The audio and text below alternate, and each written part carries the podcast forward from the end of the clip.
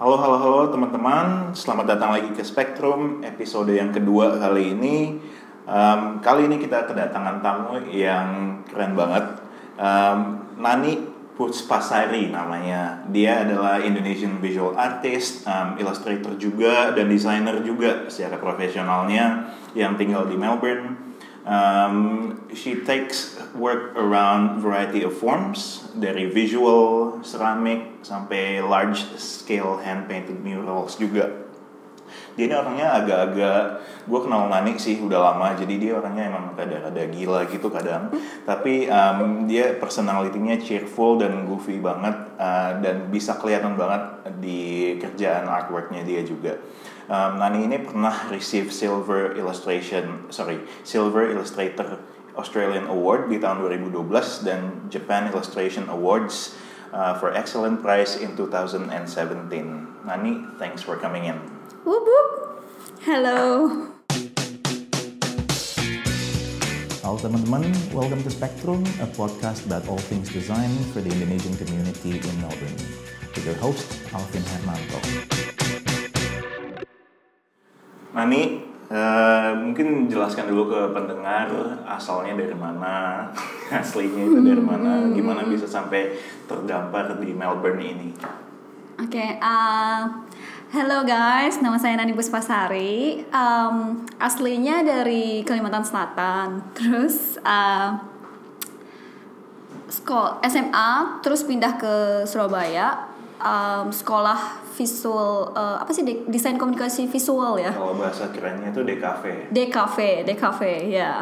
Uh, Petra. Terus setelah itu uh, saya decided untuk ngambil Master of Design at RMIT tahun 2008 jadi sebenarnya uh, bulan depan itu exactly uh, 10 years. Wow sejak uh, saya datang ke Melbourne. Ini bisa ngitung mundur jadi tahu usianya berapa kali ya? Oh ya ya udah tua, jangan disebut. Oke oke. Okay, okay. Jadi sempat uh, jadi kuliahnya di RMIT. Uh, sama oh bukan Master of Design Swinburne. Okay. Terus sama Fine Art di RMIT.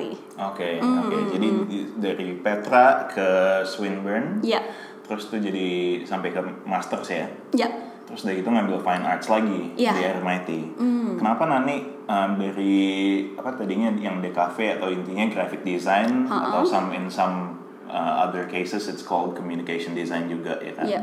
kenapa bisa ke fine arts gitu nah begini ceritanya jadi uh, waktu saya masih kuliah di Petra di Surabaya. Jadi waktu saya umur 17 tahun itu saya temenan sama seniman lokal. Hmm. Yang nyentrik gitu. Terus um, di Surabaya maksudnya. Di Surabaya ya. Terus dia ngajak saya untuk apa sih um, karena dia organize a lot of small exhibition di Surabaya. Hmm. Jadi dari situ saya mulai lebih kayak apa sih? painting making something yeah. with hand yeah. rather than uh, manual gitu ya. Iya, uh, Nah, dari situ saya kayak realize I mean, I love designing, tapi lebih sebagai artis kayaknya lebih bebas untuk ekspresikan diri. Hmm. Hmm. Oke, okay, oke. Okay.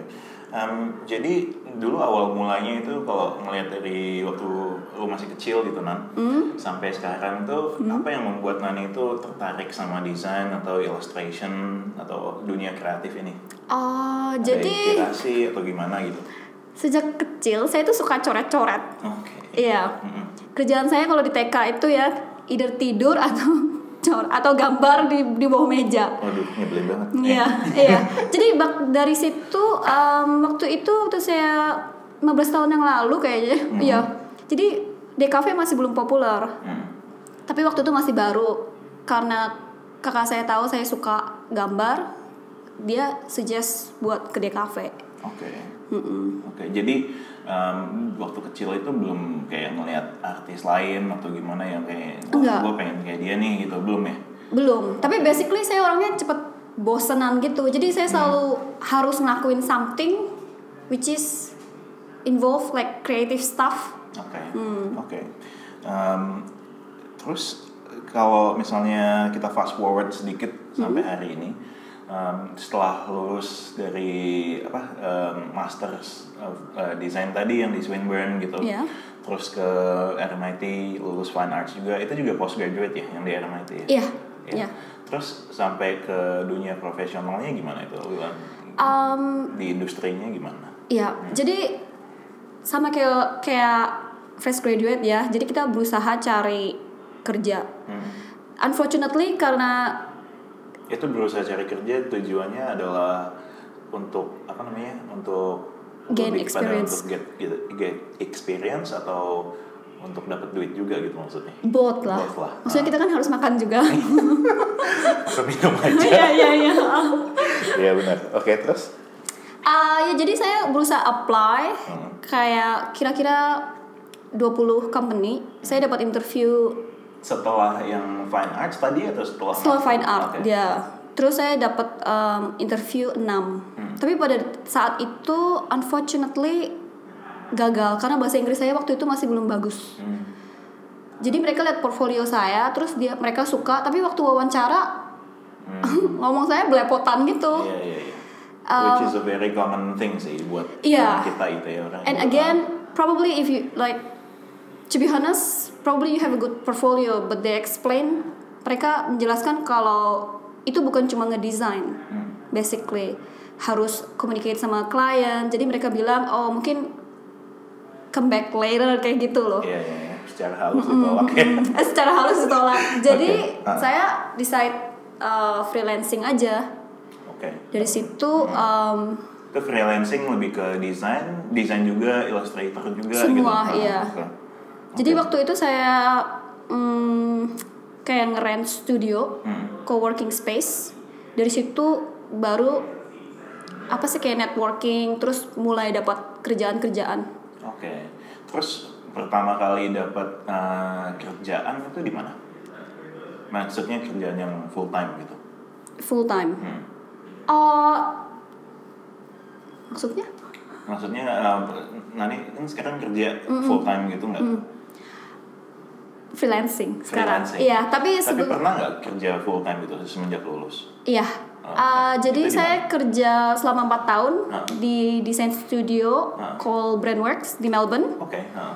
Jadi Brandworks itu uh, Itu kerjaan pertama juga nggak? kerjaan pertama. Oke, nah jadi mungkin ceritain sama pendengar eh, cara dapat kerjaan itu gimana akhirnya Iya. awal. Sebenarnya random sih. Saya Hmm. dapat kerjaan dari part time job saya. Saya dulu kerjanya di kitchen. Oke, Uh, turn out ownernya suaminya dia graphic designer. oh, oh. Jadi waktu itu dia ngejual bisnis itu Hmm. dan akhirnya kita ada farewell party terus dia tanya saya lagi saya itu sekolahnya sekolah apa Hmm. saya bilang saya lagi cari kerjaan desain dia bilang oh mungkin suami saya bisa bantu dari situ saya memberanikan diri ngasih uh, bisnis card ke suaminya oke, dan itu saya nggak nggak dapat kerjaan langsung Hmm. enam bulan kemudian dia kontak saya Hmm. dan uh, setelah itu saya mulai kerja sebagai freelancer terus jadi empat hari seminggu terus jadi full timer Hmm. di Brandworks di ini. Brandworks ya Oh, oke. sekarang udah kayak empat tahun gitu full time sama Oke, mereka oke.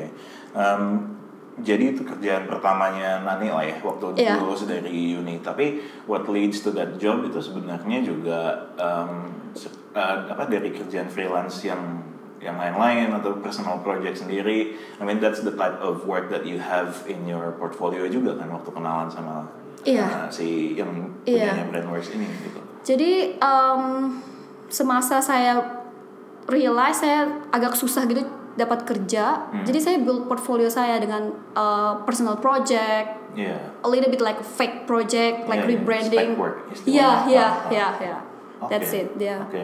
Dan itu emang sengaja Nani bikin apa ya bentuknya lebih industri lebih komersial gitu bentuknya supaya kelihatan apa ya graphic design gitu Hmm. atau you don't care about maksudnya ini outcome-nya maksudnya apa ya outputnya kayak gimana tapi you focus on misalnya Nani mau bikin illustration aja gitu oh ya um, gimana atau did you actually create a fake spec work ini, Hmm, spec project ini dengan tujuan oh untuk cari kerja nih gitu. Emang ada tujuan seperti itu atau sekedar build portfolio aja? I think I think all the element. Hmm. Jadi um, sebagai desainer kita juga harus uh, bisa apa sih ngasih solusi.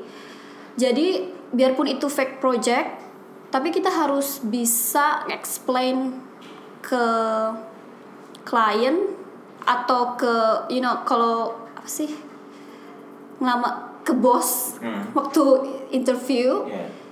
itu kalau kita ngedesain kayak ngasih solusi gitu. Oh, Jadi konsep konsepnya harus harus kuat juga.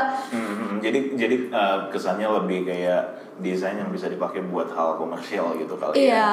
Uh, Terus bukan, saya- bukan sekedar artwork aja gitu. Mm-mm, bukan sekedar kayak pretty packaging gitu. Iya iya iya iya. And um, saya juga berusaha untuk show another skill. Jadi selain gra- uh, graphic design juga illustration, juga a little bit web Skills. uh, uh, Of course jadi employer jadi Iya. Jadi um, I guess the point is kalau misalnya kita lagi nyari kerja dan ini pengalamannya gue juga sih. mm, Kalau kita lagi nyari kerja itu kita harus lumayan general gitu loh ya. Hmm. Maksudnya nggak terlalu, waduh, gue ini illustrator yang radikal banget. Jadi jadinya Iya. susah gitu loh. Hmm. Harus yang aman-aman sedikit. Ya udah jadi bentuk kerjaan graphic design yang di package sedemikian Iya, rupa. kayak lebih fleksibel. lebih fleksibel. Soalnya it's about teamwork. Hmm. Jadi kalau misalnya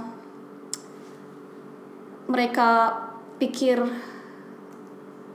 kalian maksudnya kayak kalian agak stubborn, Hmm. maksudnya kayak individual ini opini ya. iya.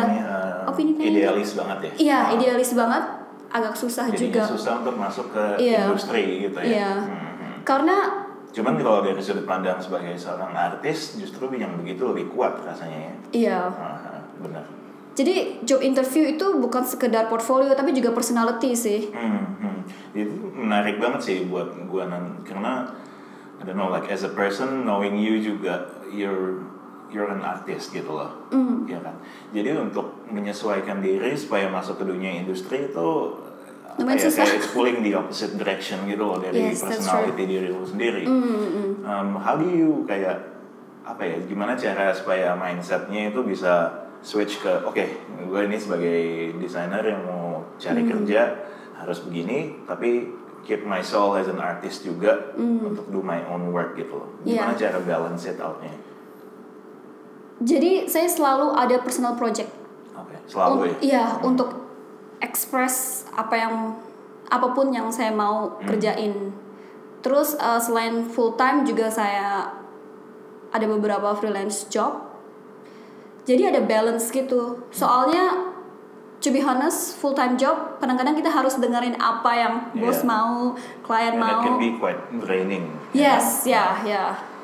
Oke, oke. Iya, jadi um, ya to back it up juga pengalaman gue sendiri juga ya seperti itu Hmm. gitu loh. Karena kalau kerjaan klien ya it's between you and the client and you need to make them happy pada Yeah. akhirnya. Dan pada umumnya yang klien mau itu ya hal-hal yang cukup mainstream gitu loh. It's true. not like you can express and go gila-gilaan ya kan. Iya, ha-ha. Oke. Um, jadi uh, kesehariannya ngapain aja nanti sekarang? Um, saya mulai selain desain dan ilustrasi, saya juga mulai hobi making ceramic. Seramik ya? Iya. Oke. huh. Jadi sebenarnya hari-hari saya itu kebagi-bagi. Jadi dua hari di keramik studio, dua hari itu uh, kadang-kadang di rumah ngerjain freelance illustration. Hmm. Kadang-kadang juga saya dapat kayak uh, kontrak job di mana saya uh, require saya untuk kerja di desain studio untuk uh, jangka beberapa jangka waktu. Hmm. Kayak Itu satu minggu. project gitu ya? Iya, iya, heeh. Oke. Jadi sebenarnya the things that you do daily itu lumayan bervariasi ya sekarang nih. Ah, ah, ah, ah. Karena saya orangnya juga uh, cepet boring, Cepet bosen gitu ya. cepet bosen. Jadi Uh, yang mana dari kecil juga udah begitu ya? kayak- iya udah gitu. Ha, ah. Oke. Em, mungkin bagi-bagi cerita sedikit pengalaman yang paling sulit buat Nani gitu yang paling challenging selama baik sebagai student atau uh, sebagai pekerja di kantor gitu misalnya itu apa gitu Pertama mungkin eh, di awal-awal karir saya di Melbourne itu mungkin language. hmm, yang mana tadi juga sempat Iya. lo jelasin juga ya yang nyari kerjanya itu agak susah Iya. karena kayaknya mungkin orang udah suka sama portfolio Iya. cuman waktu ketemu aduh kayaknya nggak gitu meyakinkan nih karena komunikasi gitu ya. Hmm. Dan juga kemungkinan saya memang personalitinya ceria gitu, tapi pada dasarnya untuk masalah kerjaan saya cepet nervous gitu. Jadi untuk ngomong ke publik atau ngomong ke klien itu agak kayak agak gagap-gagap gitu. Jadi Gagap-gagap, ah. language barrier terus um, nervous. Jadi semuanya tuh kayak jadi satu gitu. Kadang-kadang kayak blank. Iya, dan Hmm. dan bagi baik si employer Hmm. atau si klien gitu jadi takutnya agak nggak meyakinkan gitu Iya, kali ya. ya itu pernah uh, kejadian. Hmm, Waktu- jadi itu dari kalau melihat apa challenge yang seperti itu, so far kayak hal-hal apa aja yang yang lo lakuin gitu nan buat apa buat overcome this issue. Um, saya orangnya nggak suka belajar. Jadi untuk praktis Inggris saya, saya biasanya networking, Oke. a little bit partying. Networking tuh maksudnya networking sebagai kayak meet up groups yang profesional, oh meet ada Both, gitu. both. Oh iya. Uh, yeah. Tapi juga social, social, Iya. social Jadi sekarang kan juga. banyak mirip uh, kayak desainer uh, seperti kayak di design kids Oke, di Melbourne, ah, hmm. ya. The design kids, yep. Uh, beberapa dari meet up ya juga atau mutual friends. Oke. Karena basically saya kan dulu kan hangoutnya sama teman-teman yang juga graphic designer, Hmm, ya. Dan not necessarily Indonesian juga, jadi Ah. bahasanya Inggris gitu ya. mau Saya lumayan limited Hmm, supaya nge-push saya buat improve English saya gitu. Oke. Hmm. Nah, kalau misalnya cara join grup-grup ini, the design kids atau meet up itu gimana? Do you simply just contact them atau gimana? Ah, banyak banget online pro- uh, platform now. Jadi um, Dan itu open ya biasanya. iya, terus kebanyakan sekarang uh, banyak banget talk. Kayak young designer giving talk. Hmm, hmm. Um, saya bisa kok ngasih listnya. Iya, Iya. jadi jadi eh, intinya kita kalau misalnya memang niat gitu, Ah. tinggal show up aja kali ya, terus Iya, memang sih. dari situ. Pertama juga saya juga takut gitu Iya. ngomong, tapi y- you, you will Akhirnya juga nggak apa-apa gitu. akhirnya kan. nggak apa-apa sih kayak nggak ngomong random sama gitu ya. stranger.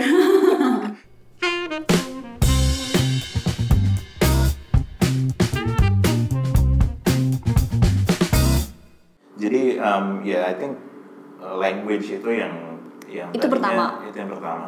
Ada yang lain nggak? Ada Hmm. uh, dealing with client. Oke. Nah, Uh, especially kalau um, especially freelancing ya kadang-kadang kita kan ketemu klien baru kita masih nggak tahu gimana itu maksudnya ini sebagai freelancer atau ini sebagai freelancer lebih sebagai freelancer Iya. bukan sebagai desainer di dalam Iya. studio gitu. Karena Bukan. kalau di dalam studio mungkin ada project manager atau iya ada iya si basically kita cuma desain ha Kalau sebagai freelancer gimana tuh challenge-nya? challenge-nya banyak banget Um, jadi harus working overtime Hmm. sometimes on the weekend. Terus uh, ad- adminnya kita juga harus spend more time meeting sama klien di luar jam kerja terus balas-balas email. The worst is when the client didn't pay you. Hmm, itu pernah tuh. pernah saya. Hmm. banyak banget. Terus gimana kalau misalnya saya nyerah nyerah gitu? setelah empat tahun aja? ha-ha, saya kejar Nah, Dan kalau misalnya pelajaran yang Nani dapat dari pengalaman-pengalaman yang seperti itu itu apa gitu? jadi um, Sebagai freelancer.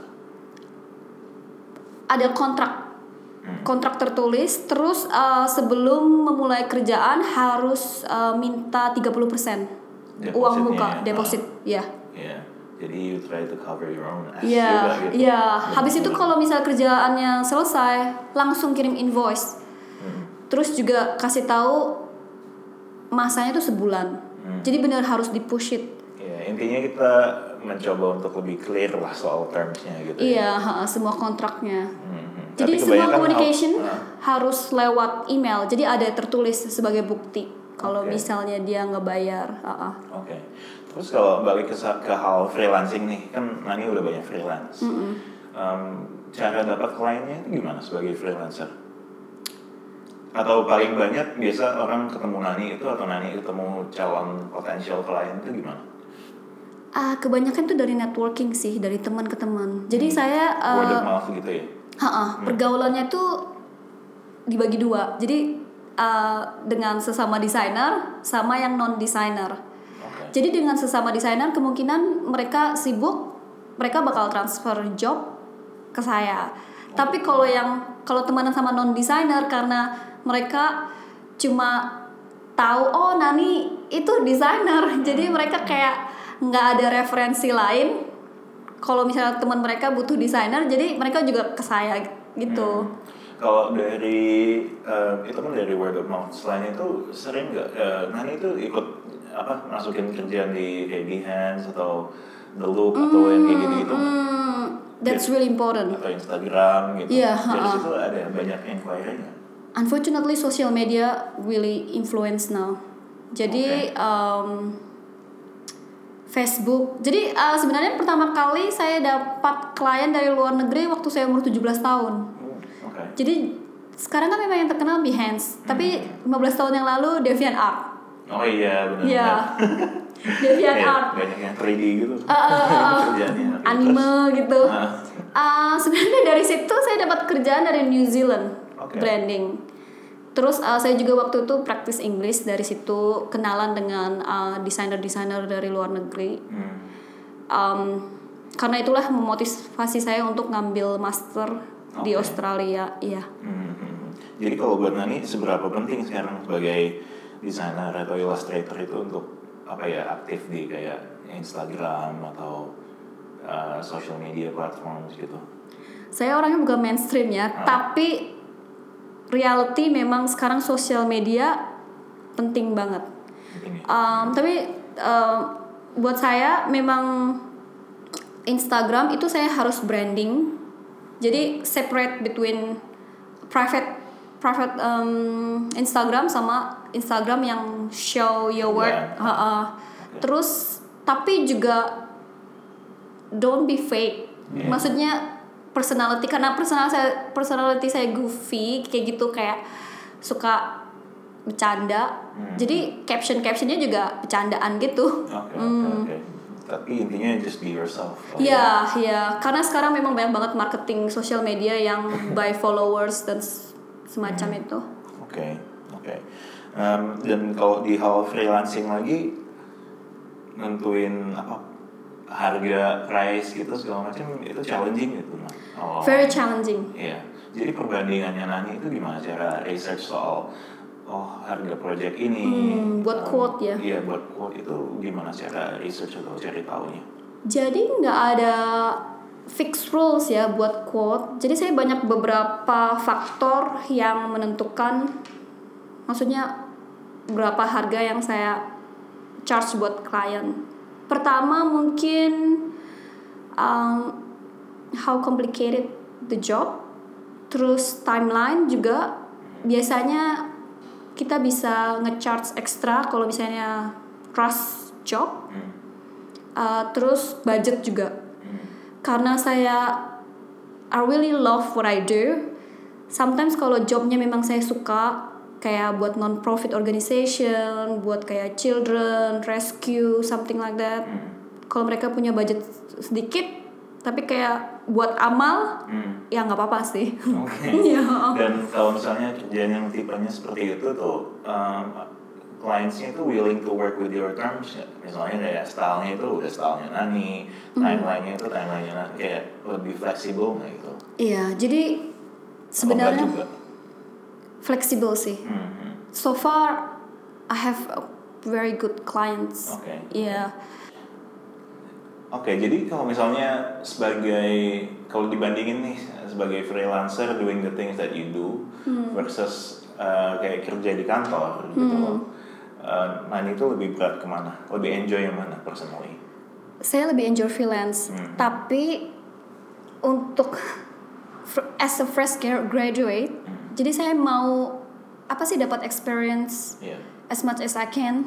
Terus kalau misalnya kita kerja full time, kita learn banyak gitu loh. Iya. Kayak tadi belajar banyak hal-hal- teamwork. Hmm. Iya. Dan hal-hal nggak tahu ya nanti gimana di Brandworks tapi hal-hal yang admin tadi misalnya kayak intinya ya Saya belajar dari mereka Iya, juga. Hmm. ngomong sama klien atau cara apa ya invoice deposit gitu Iya. segala macam mungkin hal-hal yang cukup basic gitu Bahkan foldering, foldering, ya. nah, file segitu ya Iya, ha, file ha. management iya Em, oke jadi kalau apa menurut Nani itu sebagai seorang desainer atau illustrator ada eh, masa depannya desain tuh kayak gimana menurut Nani? Maksudnya kita nggak usah ngomong yang jauh banget kayak 10 tahun yang atau di atas lima tahun itu.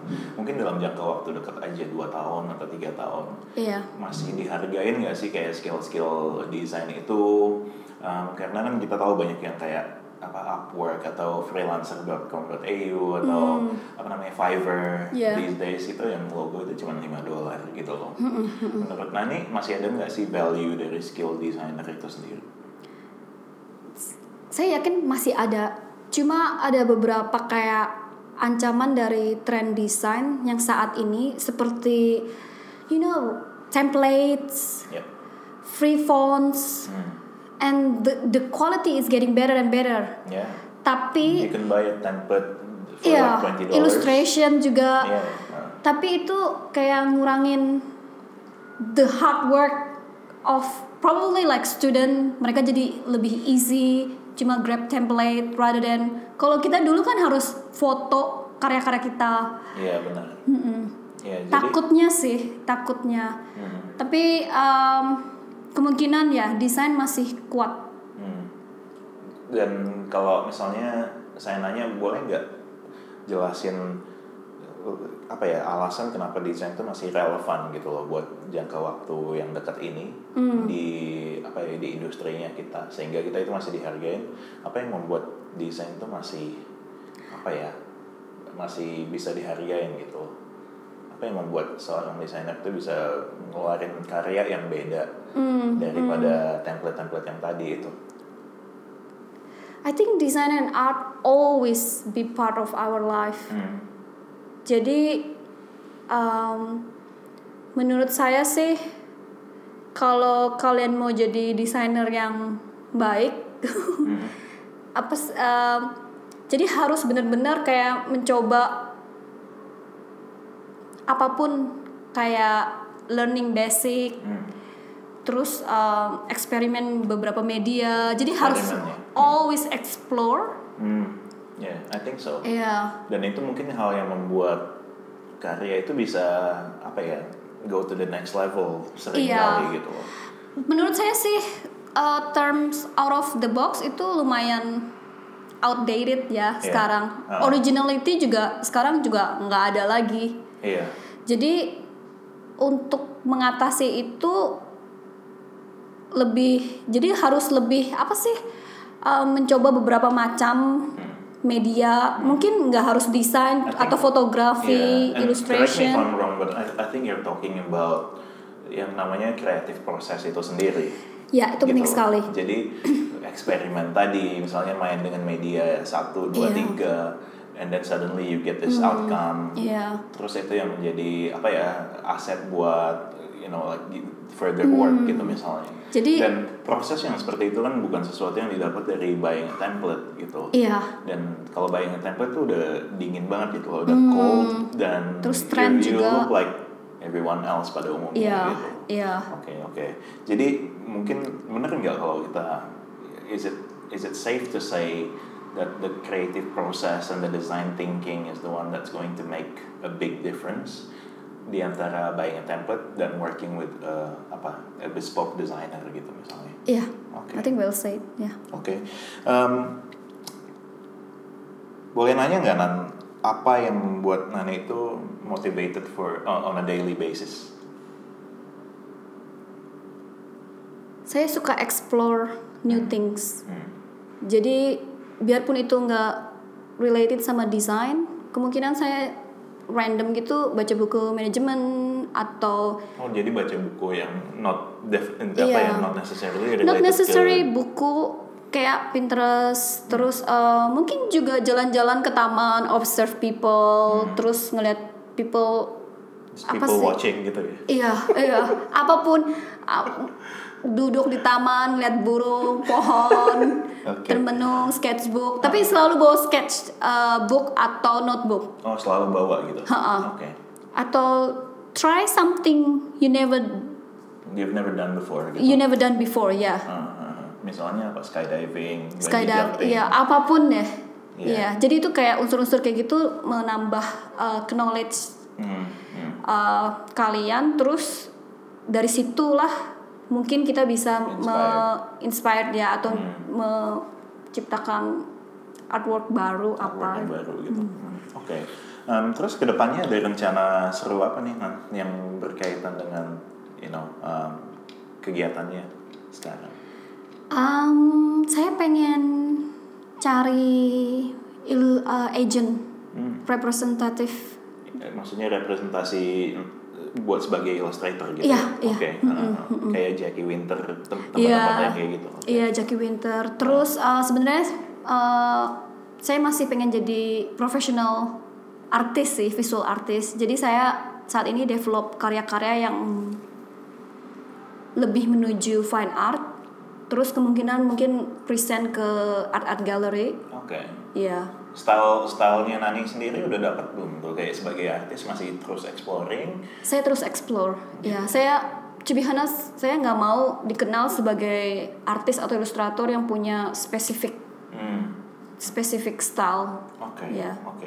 Em, ada tips bagi nah ini teman-teman kita yang ngedengerin yang pengen get into the design industry either as a student atau fresh graduate atau orang yang misalnya mau pindah haluan uh, dari profesi lain ke desainer gitu. Em, ada tips nggak? Nah, Ada. bagi dong. Jadi um, work hard, ya. um, leave your ego, Yes. Oke. terus um, networking, sorry, networking and be humble. Karena per- personality juga juga important sih. Hmm. Uh, biarpun kalian talentednya gimana, tapi kalau kalian nggak bisa di teamwork juga klien biasanya nggak bakal balik lagi. Iya, jadi se apa ya seidealis idealisnya seorang desainer itu, you need to think about other people juga Iya. ya kan mau nggak mau, unless you're like a pure artist yang fokusnya Iya. itu create artwork gitu. Cuman if you wanna look for clients and stuff like that, mau nggak mau you have to try and be a people person. Iya. Ya nggak? Untuk yang fresh graduate, internship itu membantu banget. Oh ya. Nah. Iya, terus personal project juga membantu banget Hmm. untuk um, explore what kind of design you want to do. Oke. Oke. Jadi ya, That's good. Um, terus eh, pertanyaan terakhir nih Nan. hmm, Um, kalau ada satu hal yang bisa Nani lakuin seumur hidup tanpa dibayar gitu, hmm, what would it be? Being illustrator. Illustrator ya. Iya, Jadi lebih ke illustrator yang eh, daripada graphic designer. iya, Illustrator ya. iya, Oke. Dan itu sesuatu yang maksudnya you can't think of any other thing other than that iya, sebagai suatu kegiatan yang apa ya, yang fulfilling gitu ya. iya. Oke, oke. Ada yang mau ditambahin lagi atau enggak? Itu aja. Itu aja deh. Oke. Eh, dan nanti kita share apa linknya Nani sama social media accounts-nya and everything buat kalian yang pengen eh, ngelihat kerjanya Nani yang so so unique. Uh, please do so and follow her too. Okay. Um, hopefully you enjoy it guys and we'll see you in the next episode dengan tamu yang tentunya nggak kalah gokil. Alright. Ciao.